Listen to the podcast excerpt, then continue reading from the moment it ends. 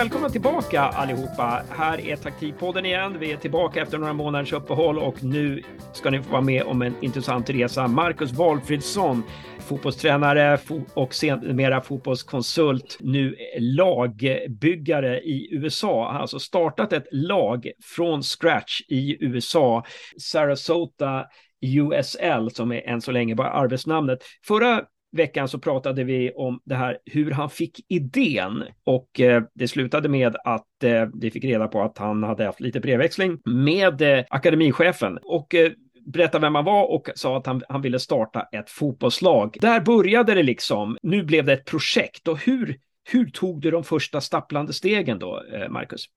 Det är en jättebra fråga um, och eh, det ska jag kunna svara på. Det var ju, jag började med att kolla med andra, alltså vi fick ganska mycket hjälp från ligan uh, om liksom vart man kunde potentiellt spela.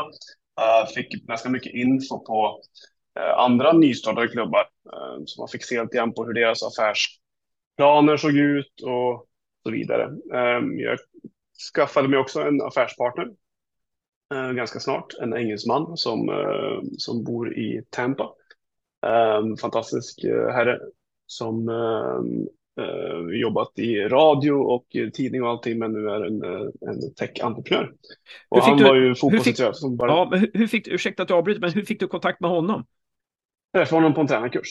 Man, det är så, är så vi träffar folk i fotbollsvärlden. Så. Vi, vi går på tränarkurs och träffar vi vänner för livet. Um, nej, men han, han, han diggar idén, han har massa idéer. Eh, så vi började prata och så landade vi med, vi skrev ihop en, en affärsplan. Um, och vi har alltså, under de här tre åren, jag kan inte räkna antalet affärsplaner jag har skrivit, uh, men det är ju garanterat över 20 vid det här laget. Um, och varje gång blir ju liksom, blir bättre förhoppningsvis. Um, men vi skrev ihop den. Um, och vad, vi, är, vad är en affärsplan då, i korthet? Ja, en affärsplan är vad, alltså, berättar vad klubben ska göra eller hur, och hur vi ska göra det.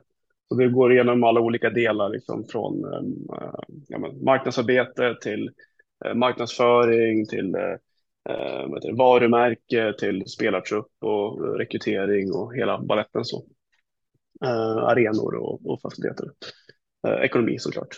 Ehm, så vi har ju jobbat på många budgetar upp igenom. Ehm, men vi, ja, men vi, vi eh, hade en dialog med ligan eh, där 2019. Eh, vi hittade en, eh, en majoritetsägare. Det är ju så här i USA. Det är en eh, ganska viktig, viktig detalj att prata om. I USA så är det så att i, på de professionella ligorna, det är tre professionella nivåer. Det är MLS, USL Championship och USL League One i huvudsak. Då kommer MLS Next Pro också en, eh, på tredje nivå. Um, och så finns det något som heter NISA, men som inte är så jätteprofessionellt. Uh, men på de här tre nivåerna så har man ett krav från amerikanska fotbollsförbundet att den som är huvudägare, eller det måste vara en kontrollerande ägare, alltså någon som äger minst 35 procent av klubben, och den personen måste ha ett nettovärde, alltså um, ett, uh, vad heter det på svenska, tror jag, men uh, tillgångar, tillgångar minus skulder egentligen som överstiger på nivå 1 så tror jag det är 30 miljoner dollar, på nivå 2 så är det 20 miljoner dollar och på nivå 3 så är det 10 miljoner dollar. Så måste ett nettovärde så kallat, alltså tillgångar på minst 10 miljoner minus skulder. Så det sätter ju lite krav på att du måste ha en, måste ha en partner som, jag har ju inte de pengarna, så, inte än i alla fall. Eh, så att eh, du måste ha en partner som, eh, som har de tillgångarna, har de, de resurserna. Um, så att där hittar vi då en, ehm, en person i, i eh, hösten, vintern 2019 där. Tidigt 2020 kan det vara. Ehm, tidigt 2020 bara. Som hade varit en bra person, som var en lokal person. Då pratade vi också när vi var då i det, det stadiet där, så var vi faktiskt så på en annan plats i Florida. Då var det inte Sarasota som var, eh, var huvudspåret, det var en annan plats.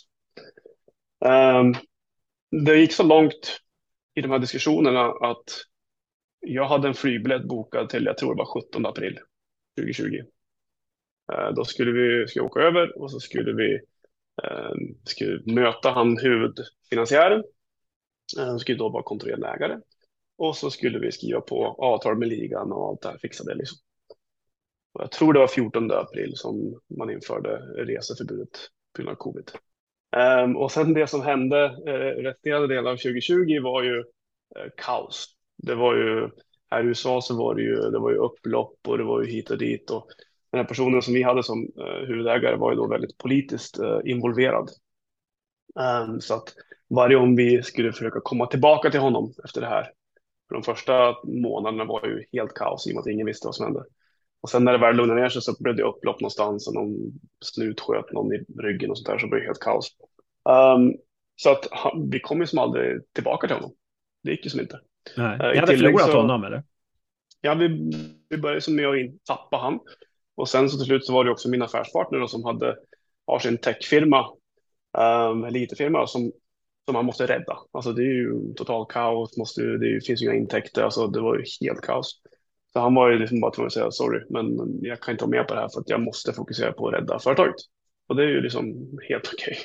kan man inte säga någonting om. Um, så sommaren 2020 så dog det ju ut lite grann. Då var det ju så här, ja men då hände ju ingenting. Då var det ju som helt, nästan helt dött faktiskt. Tänkte du några andra banor där sommaren 2020? Om du skulle göra det på hemmaplan, närmare Skandinavien, Skandinavien eller hur, hur gick tankegångarna då när allting dog ut när det var så nära?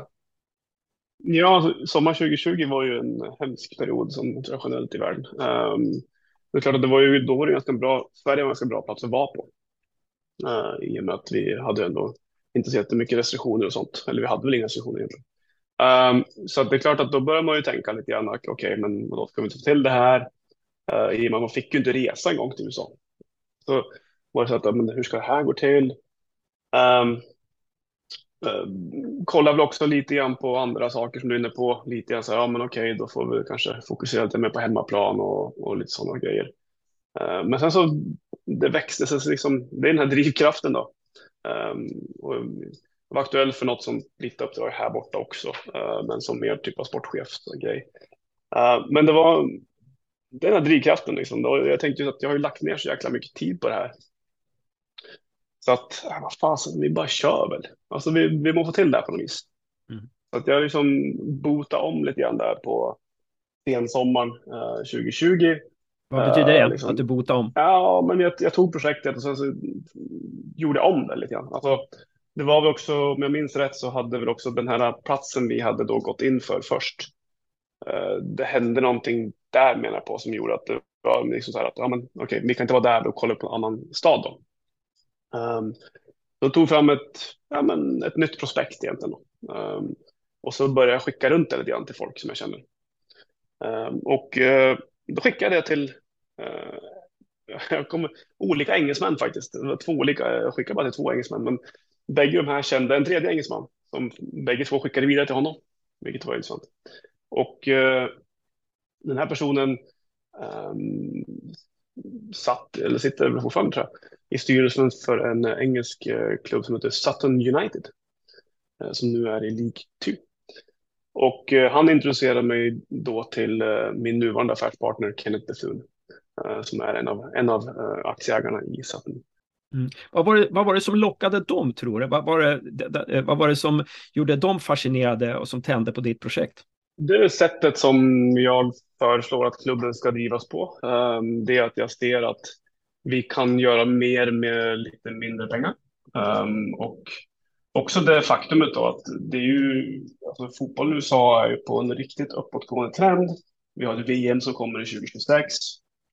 Um, ehm, och nu har vi tillägg en gigantisk inflation som gör att liksom värdena på tillgångarna kommer ju att fortsätta gå upp. Och så länge du klarar av att driva en fotbollsklubb utan att förlora uh, pengar, vilket jag inbillar mig att jag kan göra, så kommer det ju vara, vara en väldigt uh, bra investering för någon som vill vara med på en resa på tre, fyra, fem år. Mm. Um, det är ju inte så många fotbollsklubbar som inte förlorar pengar i det landet än så länge, men, men det ökar i alla fall. Antalet ökar. Du sa att du fick se andra, hur andra klubbar precis hade startat upp i USL och att du kan göra mer, att ni kan göra mer med mindre pengar. Vad skiljer sig din affärsidé och din affärsplan gentemot de andra nystartade? Det är eh, många små, små detaljer tror jag som blir en ganska stor grej till slut. Um, och det har ju alltså, en stor del av det är ju mig på något vis. Att, att min erfarenhet och mina perspektiv uh, gör att det kortar ner en del linjer. För att normalt sett så den som liksom är med och antingen äger eller styr en klubb Eh, har ju inte erfarenheten från sporten på plan. Liksom. Eh, så det är ju väldigt ovanligt. Ehm, så det är ju en grej och jag har ju ändå erfarenhet från, liksom, inte bara på planet utan som sportchef och som scout och som liksom, dit och dit och dit, dit och konsult och hit och dit. Va? Um, så jag tror att det kanske är den största grejen. Um, så det, det, är nog lite för, för mycket personberoende så. Um, men sen så är det så att detaljer i allting. Det är liksom hur man marknadsför sig, små detaljer i det. Det är detaljer på hur man säljer och hur man följer upp försäljningar. Um, det är detaljer på vad vi gör, alltså det att ha jag har svårt att sätta ord på det, men jag, jag tror jag kan förklara det, men jag, jag är lite osäker på det. Men hur vi klarar av att skapa den här uh, matchatmosfären. Um, där jag har, ja men tack vare då, att jag ändå har, alltså uppväxt i, i Europa, i Skandinavien och har ändå varit på okej nivå där. Det är klart, jag, jag har, vi har liksom det i bakgrunden, jag har den med mig. Och så har jag en förståelse för den amerikanska kulturen som gör att man kan mixa det. Här ser man ju, det man ser ofta i USA är att antingen så tar lag, försöker kopiera hur man gör det ofta i England. Det är ofta i England man kopierar. Eh, och så vill man, liksom, ska man vara som en engelsman. Och det funkar inte helt, för att det är amerikaner som bor där. Eh, eller så gör man, tar man liksom från amerikansk fotboll och så tar man hela det upplägget och så ska man försöka applicera det på fotbollen. Uh, och det funkar ju heller inte helt, för det blir ju som ett helt genuint. Och där är ju utmaningen och det är där jag ser att jag har väl den här förståelsen. Jag har ju kunskap och förståelse om den europeiska fotbollen och den kulturen, men jag har också en förståelse av den amerikanska kulturen och klarar av att, liksom slå det ihop då, hoppas vi. Mm. Tänker, har du råkat ut för någon kulturkrock än? Och i sådana fall, vad var det? Hittills är den största kulturkrocken är att jag faktiskt för första mitt liv har skrivit en check. All right. Ja, de, de, de har checksystem fortfarande i USA alltså? Jajamän, och det roligaste var att jag skrev den till mig själv, vilket är ju helt dumt. Ja. Men överföring via mellankonton. Um, så det, det, och jag var tvungen att, jag var tvungen att googla. Hur mm. skriver man en check? Ja, fascinerande, fascinerande. Uh, ja, det skrev jag någon gång på 90-talet som senast tror jag. Um, jag är lite nyfiken fortfarande för, för att prata om mycket små detaljer. Har du något konkret exempel på någon sån här små detalj?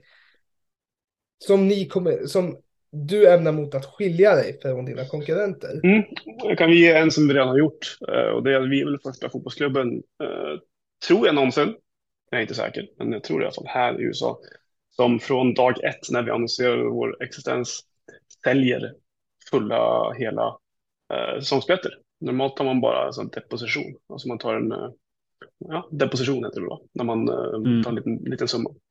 Men jag tänkte varför då? Skicka på hela biljetten på en gång, ge oss alla pengar på en gång och så tack som tack för det så ger vi eh, de första så otroligt mycket grejer så att vi mer eller mindre förlorar pengar på biljetten i och för sig. Men eh, det är bara för att vi vill, vi vill liksom gärna få in folk i början. Så. Det är väl en mm. sån liten små detalj som skiljer sig. Mm. Jag har ju en följdfråga på det här, men det är ju inte helt till linjen med första stegen. Jag är nyfiken på hur mycket ni har sålt. Ja, det behöver vi inte prata för inte mycket. Ja, men det har blivit verklighet i alla fall. Du, du fick de här finansiärerna, eh, brittiska finansiärer, för de trodde på den här affärsidén och såg, nej, Nej, eh, amerikansk. Det var, det var amerikanska genom, den, genom britten som fick komma till en amerikan. Ja. Det var amerikanska finansiärer som var, eh, som var inblandade i, i brittiska lag, eller ett brittiskt Exakt. lag. Det, det, var så alltså. Och de såg att den här affärsidén eh, och du, du hade någonting liksom speciellt där eh, som, som du kunde komma med som skilde sig från, från de andra. Eh, om vi tänker så här, när du höll på med det här, alltså du säger, du hade ändå drivkraften. Vad var det som liksom höll dig uppe här? Alltså du måste ju ha någonting, en drivkraft som skiljer sig från väldigt många. För väldigt många hade ju, hade ju bara, bara eh, med det här med covid och folk hoppar av. Det hade ju funnits läge för dig där bara att, nu skiter jag i det här. Um, alltså nu jobbar jag, fortsätter jag jobba som konsult i Norge eller andra skandinaviska länder. Men vad var det, så, vad var, vad var det kan du beskriva det? Vad var det som gjorde att du hade drivkraften fortfarande? Vad, vad består den drivkraften av? Hur tror du att du... Varför har du den? Hur kommer det sig att du har den? Ingen aning. Eh, men det är en sak som jag inte vill uppleva i mitt liv. Och jag vill aldrig uppleva eh, den här känslan av att du hade kunnat gjort någonting om du bara försökt lite grann till. Um, och det var lite så jag tänkte när jag var spelare, att jag ville, göra, jag ville prova tills jag kunde bli så bra jag kunde bli i alla fall. Uh, jag tyckte jag hade den från början, från början för att tränare. Um, för att jag gav ju liksom verkligen allt. Jag skickade ner alla pengar jag ägde och hade på, på att försöka bli så bra tränare jag kunde. Och, och, så det är väl någon typ av idioti, tänker jag så här. Mm. Att uh, när jag fått för mig det här, och så var det ju som, det är ju någonting med det här landet, uh, det här stora landet där borta som, som uh, ja, passar mig ganska bra. Känns som, på någon typ av underliggande värdenivå, så grundläggande värderingar, vad jag brukar prata om. Mm. Um, så det är, väl, det är väl kanske det som, som, som drar då. Så. Jag vet inte. Eh, det, det tror jag är det mesta och sen så bara det att jag vill absolut inte känna att ja men fasiken. Om jag bara lagt ner liksom en månad till arbete, då hade drömmen kunnat bli av. Alltså mm. sitt, tänk dig det att sitta där när du är liksom 65 eller 70 eller vad, vad man kanske hoppas, hoppas man får bli och se tillbaka och så bara fasiken. Om en, när jag var 35 eller 40 hade jag bara jobbat lite hårdare hade jag bara gjort lite grann till så hade jag fått lyckas. Mm. Alltså den vill jag inte ha. Jag, jag, vill, jag vägrar. Jag vägrar liksom. Det kommer, det kommer inte hända. Nej, kanonbra, kanonbra. Eh, men vad sa, Sven, vad sa dina kompisar och det är liksom din släkt och, eh, det, ja, eh, och, och, andra fotbollstränare? Vad fick du höra? Fick du mycket pepp eller var det folk som undrade vad du... Det skulle vara intressant att veta liksom vad, just från eh, vad, vad, andra sa när du pratade om att du höll på med det här. Jag kommer ihåg vad min far sa. Han hade ingen tro alls på det här. Ingen tro. Um, så det, och det tippar jag på. Jag tippar på mina kompisar var mer så. De kände mig lite bättre tror jag. Så att det var väl lite grann så här. Okej, okay, visst, det kan väl kanske gå. Um, jag tror det svenska fotbollstränare tror jag bara ja, ja, ja. Gör vad du vill. Det, det blir nog bra det. Ehm, uh, det tror jag väl var den, det liksom den generella responsen ska jag tippa. Uh, nu är det lite annorlunda då, för nu när vi helt plötsligt så. Det är så här när man. Jag märkte det här när jag fick jobbet i Linköping Um, och jag märker nu, helt plötsligt har jag fler vänner. Ja. alltid de första, första veckorna efter man har gjort någonting uh, som syns, då får man alltid fler kompisar. Ja. Um, så det, nej, men det är trevligt. Det är kul att, uh, att folk hör av sig. Så det är jättetrevligt. Ja. Det är som när man driver en ståuppklubb, det blir alla komiker ens vänner. Och så, så slutar man med den där ståuppklubben. Det är ingen ko komiker som vill veta av en, för då har de ingenting att tjäna på. Um, men vi får se om det blir så för dig. Uh, men uh, Jättebra, men då har vi kommit dit i det här andra avsnittet att vi vet att ja, du fick de här amerikanska finansiärerna som var kopplat till brittisk fotboll, de var, de var med på resan. Eh, så det ska bli intressant i det tredje avsnittet då att när du väl hade dina finansiärer, covid var över eller började vara på, på till, tillbakagång, eh, vad hände sen? Och det tar vi i tredje avsnittet. Så tack så mycket Marcus och Josef.